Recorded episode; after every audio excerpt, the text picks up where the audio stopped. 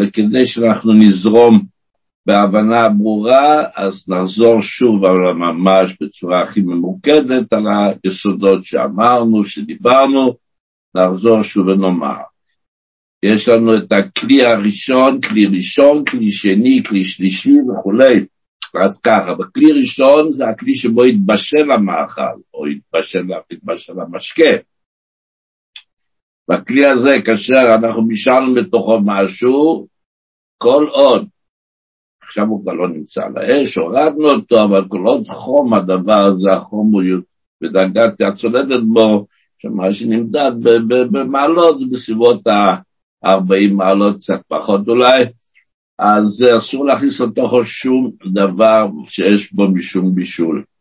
מה זה יש בו משום בישול? עוד מעט נדבר. כל דבר שיש בו משום בישול, אסור להכניס לכלי ראשון, גם אחרי שחלב זמן, מה שהורדנו אותו מהאש, כל עוד יצאו לדרכו. עירוי מכלי ראשון פירושו לשפוך מהכלי ראשון הזה, מהסיר או המחם שבו יתבשל הדבר, על דבר מאכל שיש בו משום בישול, גם כן אסור. מכיוון שהעירוי, השפיכה, מבשלת כדי קליפה, כלומר כאילו הקליפה הראשונה שהוא פוגש בה, העירוי פוגש בה, הוא מבשל אותה. אחרי הכלי שני, כאשר העברנו מהסיר או המכל שבו התבשל הדבר לתוך כלי אחר, הכלי האחר הזה, אם זה כוס ששפכנו לתוך מחם, אם זה צלחת, כיוצא בזה שפכנו מהסיר, ישירות, מה שנמצא בתוכו מוגדר ככלי שני. כלי שני, הדין הוא שמה שנפסק להלכה, שלמרות שזה כבר כלי שני, אבל יש מה שמוגדרים כקלי הבישול, ואנחנו לא בקיאים בהם, ולכן נפסק בשולחן ערוך, ובלשון השולחן ערוך. אסור ליתן שום דבר שיש בו משום בישול בכלי שני שאת צולדת בו. חוץ, יש שני דברים, שני מרכיבים כלליים נקרא לזה, שאותם מותר להכניס לכלי שני, כיוון שמפורש בגמרא שהם לא מתבשים מכלי שני, זה משקה ותבלין. עכשיו תבלין, דיברנו על הגדרת התבלין, לא כל דבר שמתאימים בו את המרק הוא תבלין, אם אנחנו מתאימים את המרק עם בצל או שום, זה לא הופך אותנו לתבלין, וכולי וכולי. התבלין זה דבר שבהגדרתו הוא תבלין שכל מהותו הוא נועד אך ורק לתת את הטעם בדבר ואחרי כן שילך לו לא צריך אותו, אנחנו לא מעוניינים לשתות או לאכול אותו, אנחנו רק צריכים ללמוד פשוט את הטעם. גם במהותו הוא ככה, לא שכרגע החלטנו שהעגבניה תיתן טעם באורז, זה לא הופך את העגבניה לתבלין. אז משקה ותבלין, זה מותר להכניס לכלי שני. אז אם שפכנו למכן בתוך כוס, נצא לשים לתוכו דברים שמוגדרים כתבלין יהיה מותר. שפכנו מהסיר לתוך צלחת, צלחת היא כלי שני, אסור להכניס דברים אחרים, אבל דבר שמוגדר כתבלין או כמשקה מותר. המשקה נחשב דבר שבמהותו, במציאותו הוא משקה. זה לכל הדעות. עכשיו שואלת השאלה, מה דינו של דבר שהוא בעצם הוא לא משקה במהותו, אבל הוא נמס, ואז הוא הופך להיות, הוא שפיך כמו משקה.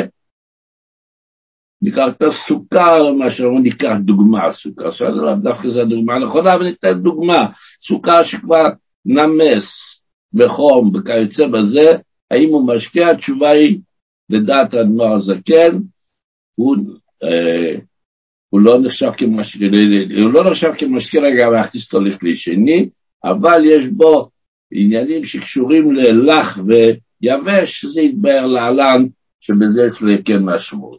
בואו נעבור לכלי שלישי, כלי שלישי זה הכלי שמהמחם שהפכנו לכוס, מהכוס שהפכנו לכוס שנייה, הכוס השנייה היא הכלי שלישי, מחם, כוס ראשון, כוס שני, וכלי שלישי ביחס בסדר ההשתלשלוס הזה, אז הכלי שלישי, הדין הוא שהוא לא מבשל כלום. כלי שלישי מותר להכניס כל דבר, ועירוי מכלי שני גם כדינו ככלי שלישי.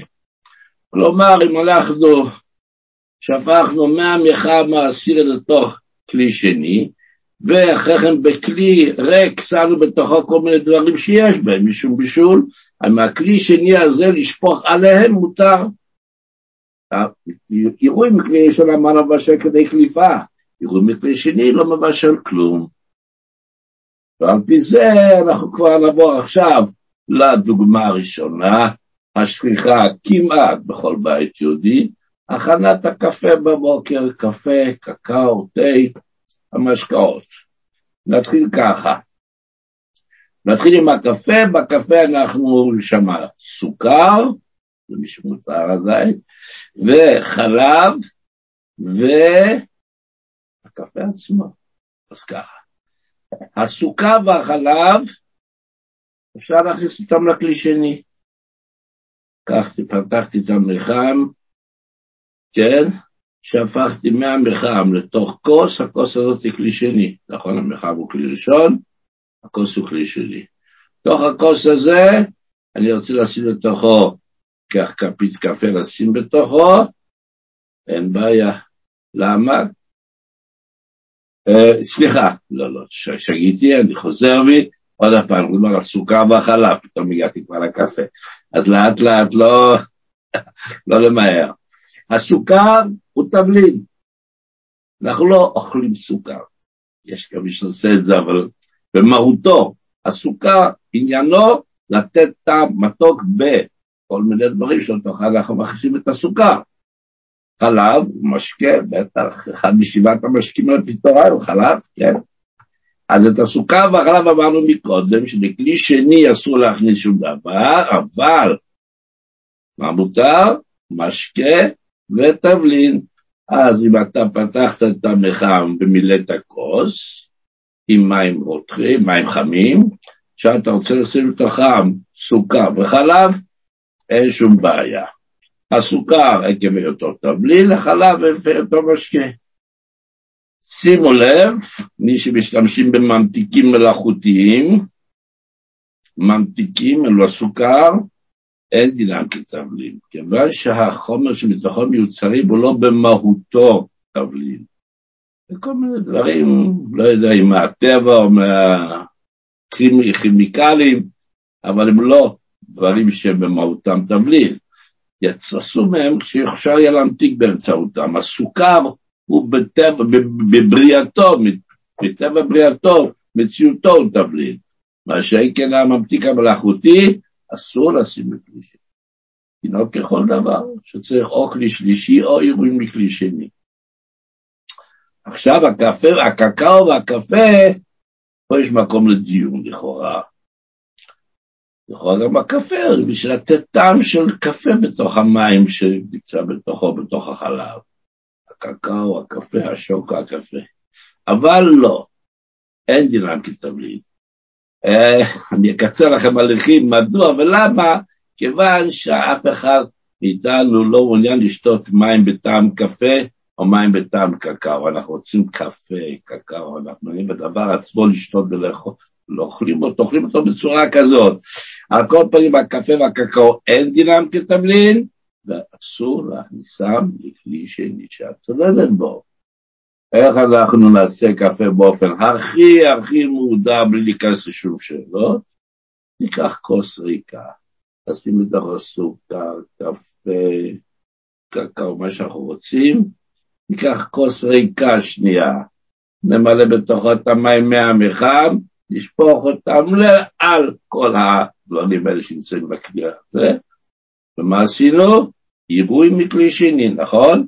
המחם הוא הכלי הראשון, שפכנו לתוך כוס ריקה, הכוס הזה עכשיו המים בתוכו, החמים הם כלי שני, ואנחנו שופכים אותם על מה שנמצא בתוך כוס הריקה הזאת, על הקפה והקקאו וכל מה שנרצה להכניס לשם, אין לנו שום מגבלות. לשפוך על זה, זה מכלי שני, שאמרנו מקודם, ממש בגמרא, עירוי מכלי שני לא מבשל כלל. זה הכי טוב.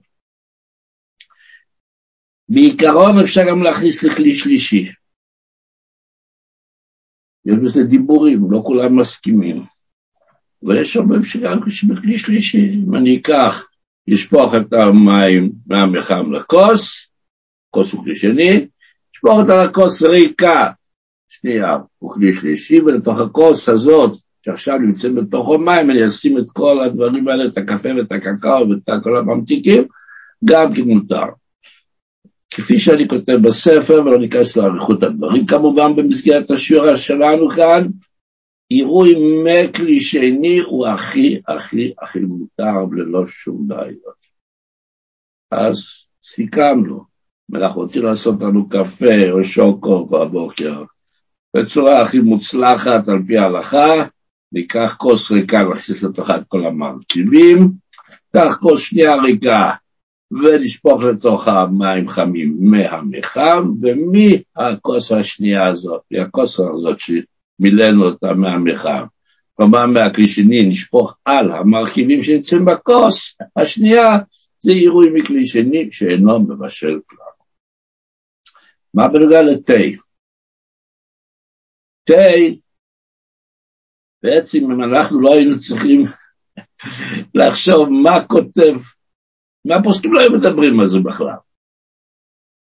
עלי תה, מישהו אוכל עלי תה, מישהו אוכל את זה, אולי לפי איזה סור רופא טבעוני שאמר שזה מועיל לו משהו, אבל זה לא מאכל.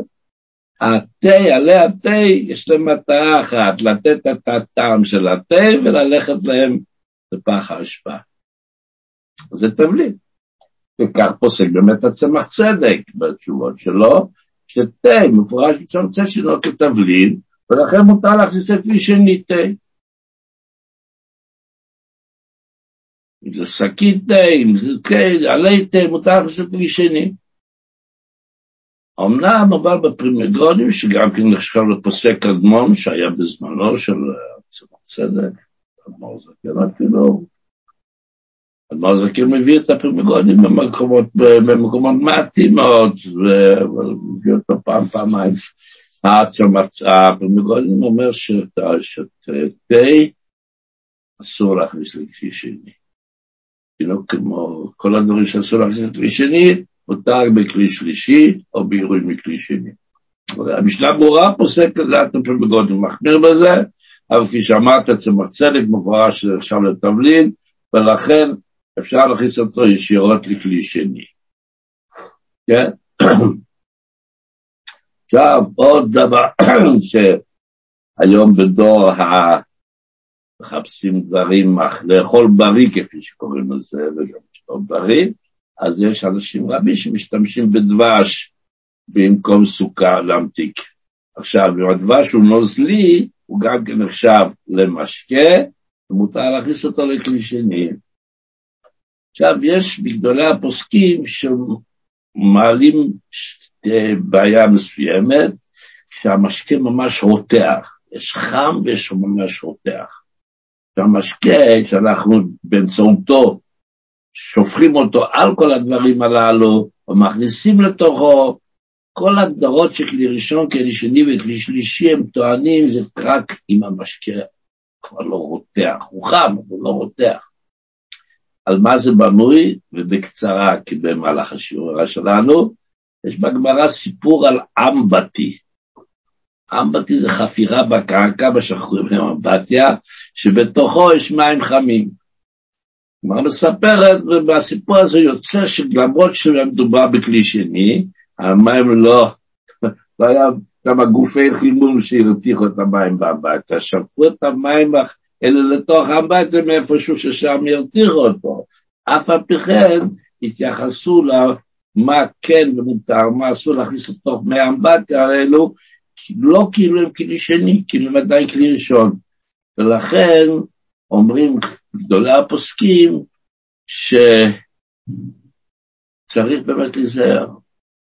כלומר שאנחנו אומרים כלי שני, כלי שלישי, להשתדל שזה לא יהיה כבר רותח, שזה רותח לזה. לא.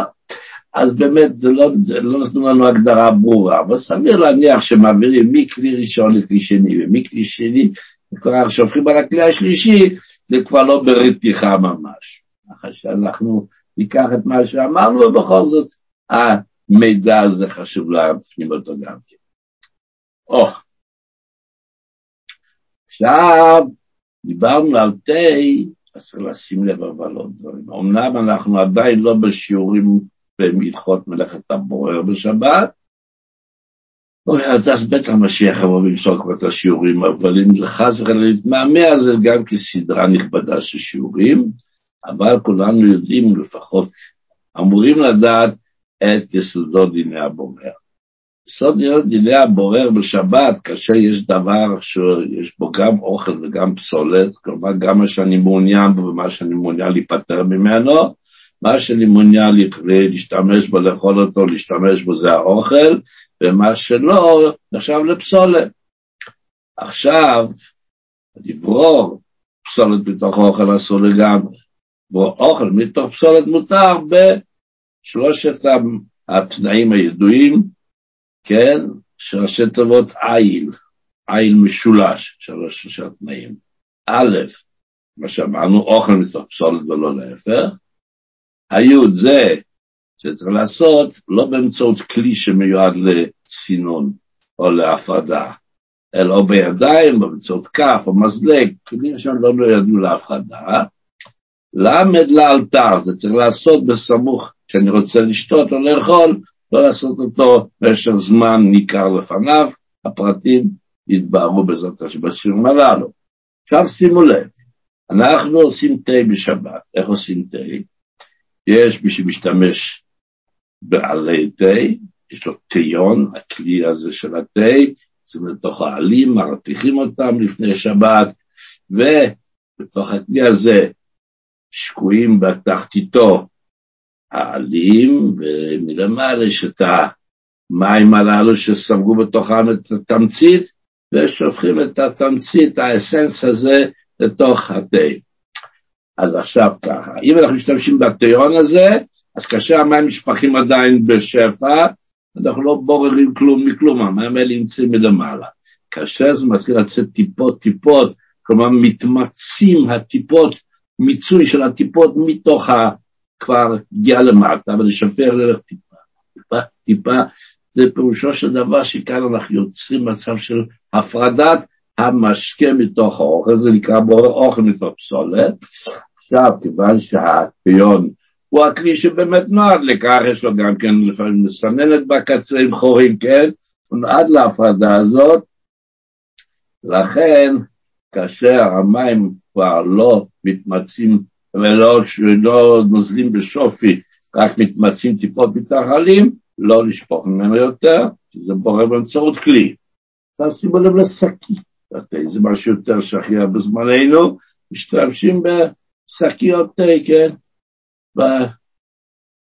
עכשיו השקית, השקיות האלה, מה קורה שם? יש, יש שקית כזאת, שבתוכו יש את העלים הגרוסים הללו, אנחנו מכניסים אותו בתוך המים החמים, כאשר זה מוצאים מתוכו כל מה שאנחנו מעוניינים, אנחנו מוציאים אותו מתוכו, כן?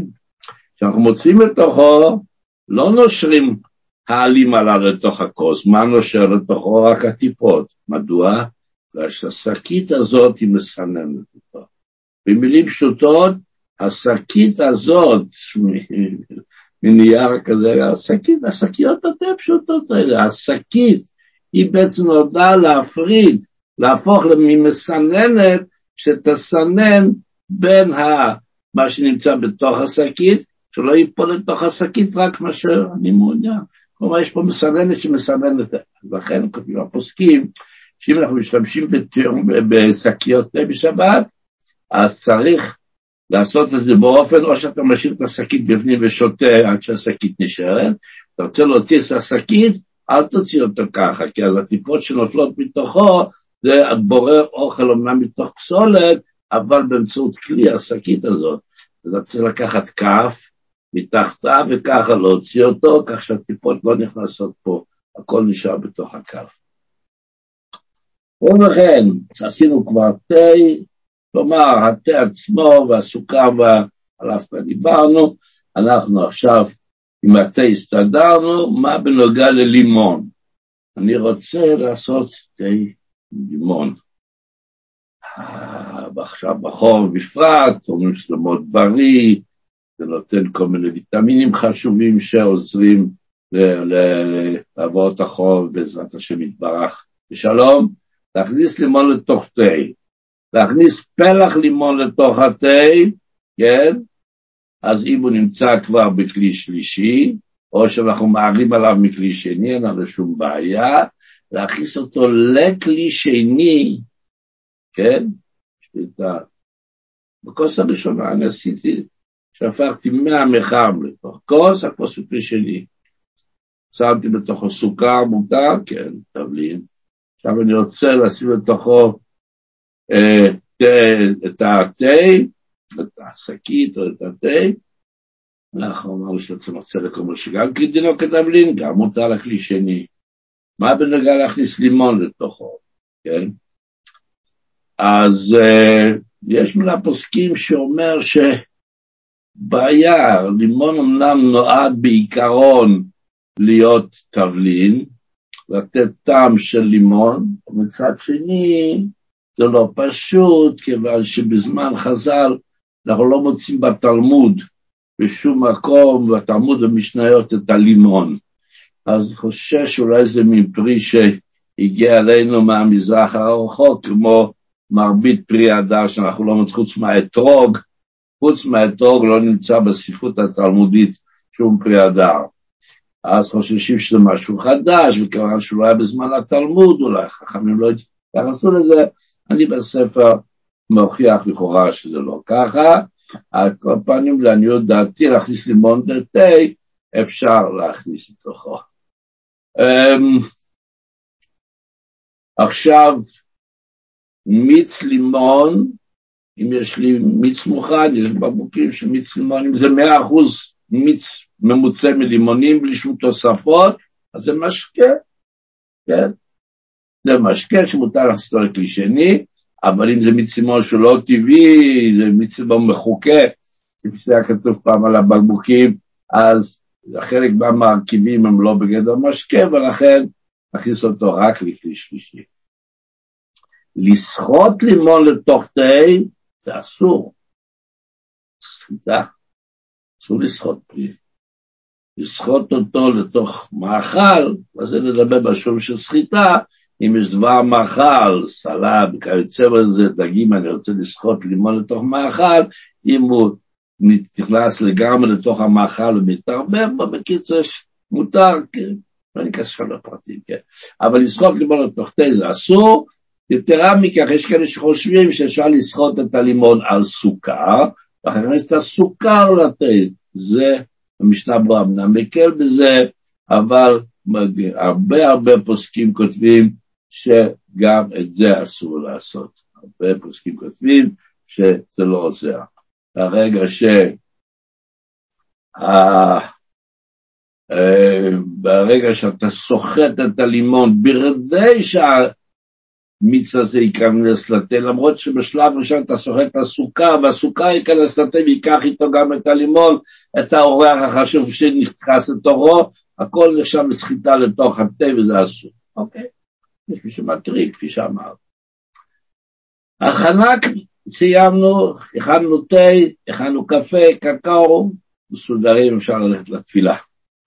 עכשיו, יש מכינים מרק מאבקות שונות, זה קוביות מרק, זה אבקה שמוסיפים אותו למים החמים, ומקבלים את, ה, את המרק. גם זה, יש, יש מצבים שזה נדרש, נמצאים במקומות שזה אי אפשר להכין את כל הסירים והכל בערב שבת, וזאת הדרך לקבל איזה צלחת מרק חמה לארוחת שבת. להכין מרק באבקה, האבקה, האבקה היא בדרך כלל אבק בתהליך בישול. בדרך כלל הייצור של האבקה נעשה באופן שכבר כל המשווים בושלו ואחרי כן ייבשו אותם והפכו אותם לקוביות או לאבקה. אבל כאשר אנחנו מכניסים אותו לתוך משקה חם, זה מה שנקרא יבש שנמרוח. Okay? כן?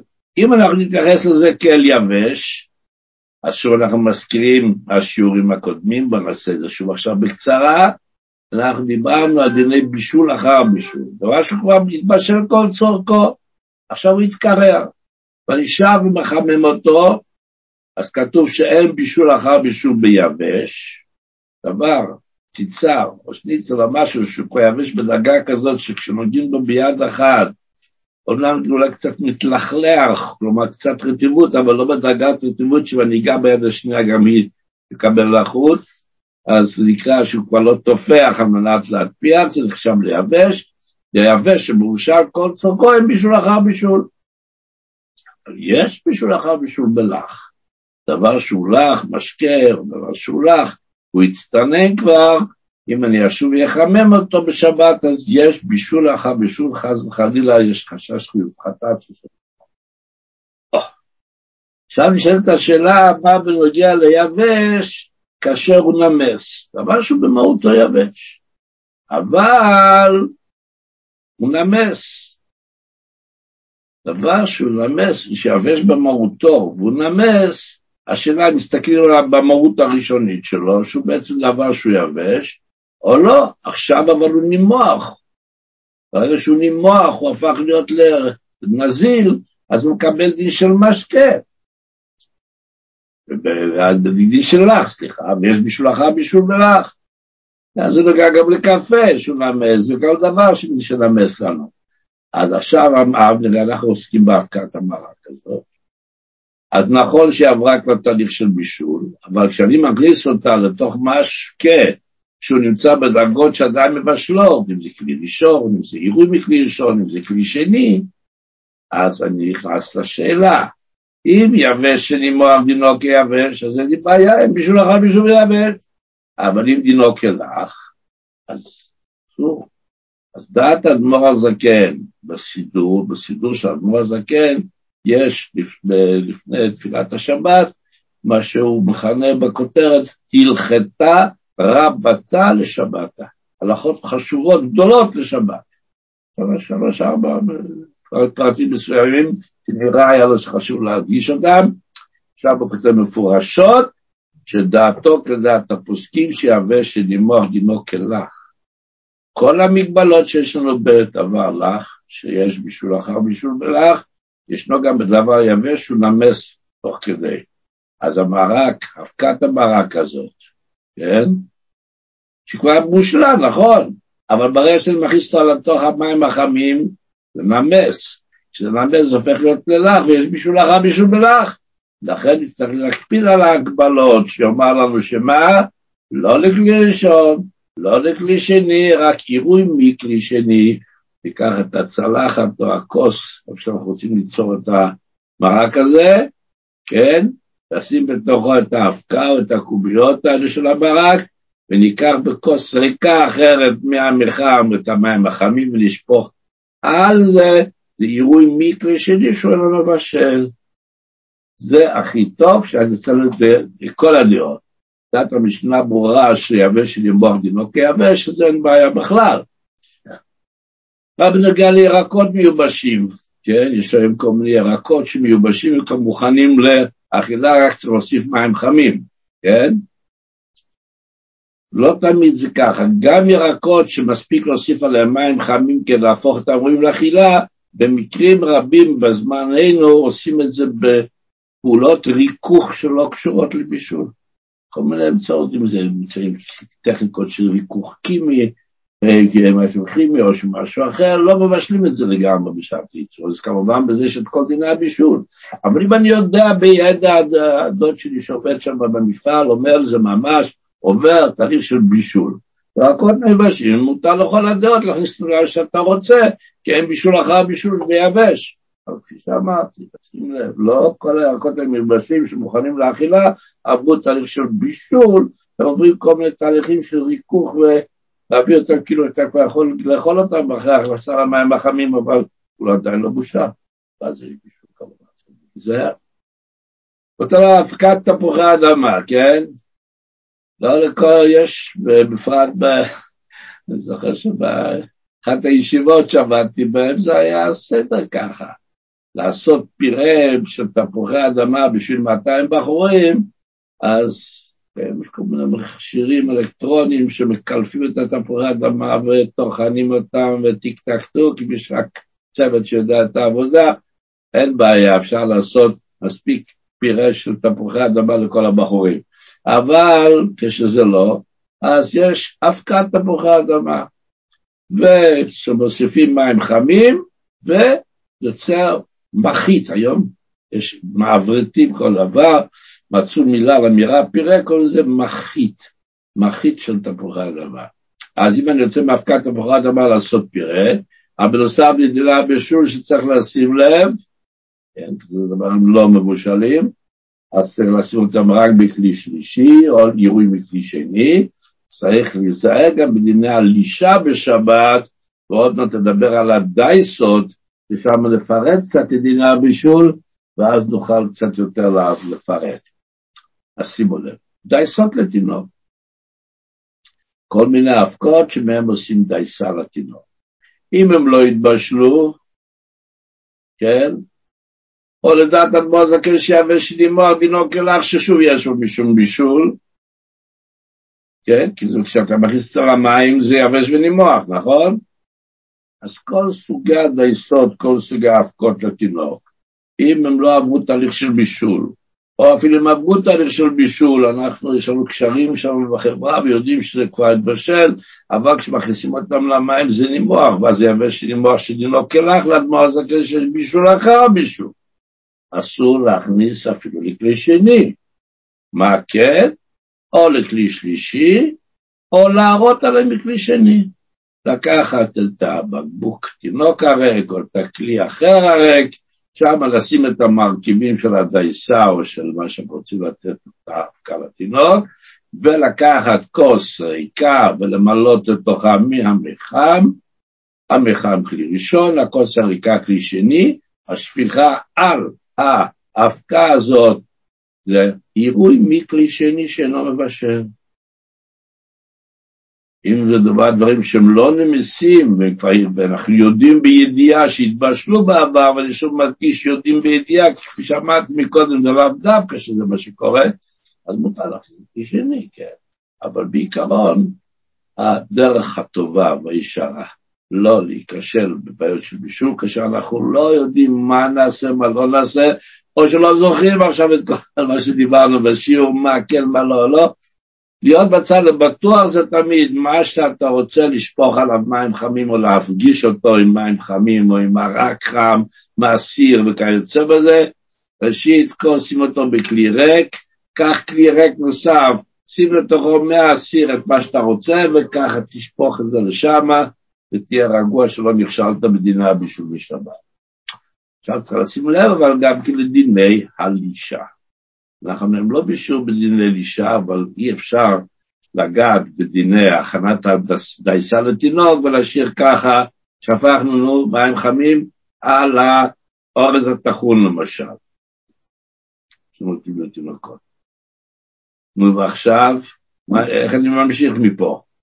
אני צריך לערבב את זה, להפוך את הדייסה שתהיה, שיתערבב במשקה, שיהיה ראוי לשתי, שיהיה שפיך, שהתינוק יוכל לשתות אותה מהבקבוק או איכשהו. אז זה כאשר רוצים לערבב דבר שהוא מפורר עם משקה ולהפוך אותו לגוף אחד, מה שקוראים לישה, אנחנו נשים בצק, אבל גם זה נחשב ללישה, אז צריך לנהוג בשיטות דלהלן.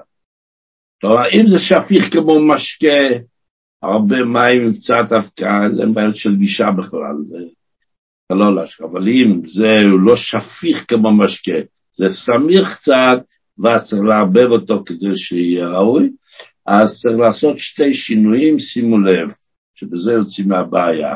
אחרי ששפכת וערבבת שהם נמצאים ביחד עכשיו, אתה הולך לערבב, צריך לשנות את אופן הפגשת הנוזל עם האבקה,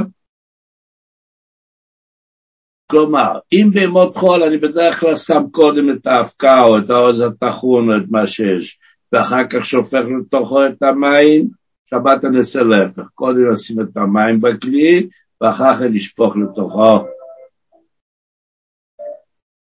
ואחר כך נשפוך לתוכו, ואחר כך נשפוך לתוכו. כן, אז כן, עוד פעם, פשוט לא פה יש לו טלפון שהפריע, אני חוזר שוב. אנחנו, כדי לא להיכשל בבעיה של אישה, כאשר מדובר במשהו סמיך, אנחנו צריכים לעשות את זה בשתי שינויים. אם אנחנו רוצים לעשות, להפגיש נוזל עם אבקה או עם ראש טחון או מה שלא יהיה, שאחרי צריכים לערבב אותו, להפוך אותם לגוף אחד, אז צריך לשנות את אופן הפגשת הנוזל עם האבקה. אם בהתחלה אני שם קודם אבקה, אחר כך את המים, אני הפעם אקדים את המים, אם להפך, להפך. שינוי נוסף שהכי חשוב זה לשנות באופן הערבוב. איך אנחנו מערבבים ככה רגיל את המשקה מאבקה? לא. פה אנחנו צריכים להעביר את הכף בתוך הכלי ולהוציא אותו, אחרי כן בצד השני, ככה וככה וככה וככה. כן? להעביר את הקו בהכרה שתי וערב כפי שכתוב בהלכה, ובכל פעם להוציא אותה מהצלחת, עד שבסוף זה מתערבב לגמרי, כן? או לערבב עם הכלי עצמו, או שאנחנו לוקחים את הצלחת, את הסיר שבתוכו, שמנו את שתי הדברים הללו, את ה... את ה... את הבפורר עם המשקה, וככה לערבב אותו. כלומר, שינוי ממוטול. בקבוק, ואם מתוך הבקבוק התינוק אנחנו שמים את האבקה ואת המשקה, אז לערבב אותו ככה זה במות חול. צריך לערבב אותה בצורה כזאת, צריך לעשות שינוי. שינוי באופן הדגשת הנוזל עם האבקה ושינוי באופן הערבות. זה אבל שייך לדיני הלישה, והזכרנו אותם בדרך אגב, כשאנחנו עושים, אנחנו עושים אה, כל מיני דייסות לתינוק. הנה, אנחנו כבר עכשיו הולכים לאכול אנחנו בסעודת השבת, יש מרק חם, יש חמין חמים, ואנחנו רוצים לשים לתוכם לחם או שקדי מרק וכיוצא בזה, אז ככה. להכניס דברים למרק, אם זה דברים שמבושלים, חתיכת עוף מבושל וכיוצא בזה, כן? המותר גם בכלי שני, כן? בעיקרון אין בישול, אחר בישול. אבל אם הם לא מבושלים, גם אם הם אפויים או צלויים, אמרנו שיש בישול אחר אפייה, בישול אחר צלייה, אז אסור. בכלי שלישי מותר, עירוי מכלי שני מותר. אפשר להכניס לתוך הצלחת הריקה מה שאתה רוצה ולשפוך עליו את המרק. או להכניס את המרק לכלי שלישי, ואז להכניס לתוכו גם את הדברים הלא מבושלים. ולכן, אנחנו רוצים לשים חלה לתוך, לפורר חלל לתוך המרק, או לתוך ה... שעולת לתוך החמין, אז אם זה בכלי שני, שמהסיר שהפכו לצלחות, אסור, כי זה בישול אחר אפייה. החלה עברה תהליך של אפייה, עכשיו אתה שם אותה בכלי שני, זה יש בישול. אבל בכלי שלישי מותר, או עירוי מכלי שני מותר. כדי מרק, אז דיברנו, אם ידוע שנעשה בשיטות הישנות הידועות, שזה, יש, יש דוד שמן ענקי, שמן עמוק רותח, וכך זה נעשה, אז התיקון נחשב לבישול, אין בעיה להכניס אותו למראה גם בכלי שני, או בכלי ראשון, כי אין בישול אחר בישול. אבל הרבה פעמים זה נעשה באופן של אפייה, נעשה באופן אפייה, זה לא שווה להכנסת החלה. שיש אחר אפייה, אסור. עכשיו למלוח תבשילים, אין מספיק מלח באוכל. אני רוצה להוסיף מלח. אני יודע שמדובר בחסידות, שזה לא סדר, זה נחשב להתנהגות שלא מתאימה לקדש עצמך, אבל אוי נחשב בסמלס. אני לא יכול, אני צריך שיהיה קצת מלח בתבשיל כדי שאני ארגיש שאני, יש לי את העונג שבס הנדרש. איך שלא יהיה, למלוח תבשילים, היום המלך נעשה בתהליך שלא בושל. בעצם הייתי אומר, כמה זמן יש לנו. בואו ניתן לכם את ה... איך עושים מלך היום. היום המלך נעשה ככה, השיטה שנפוצה ביותר בארצנו לפחות, זה השיטה הסולארית, מנצלים את אנרגיית השמש. מילים פשוטות, אידוי מהים באמצעות השמש. הולכים למקומות ששם השמש היא כמו שצריך, בוחרים את הימים שיש שמש טובה, יש בזה כמה תהליכים. יש תהליכים שונים, אבל כל התהליכים מיובשים בחום השמש. ולא ניכנס לכל התהליכים, מי שרוצה זה מעניין, סתם ככה.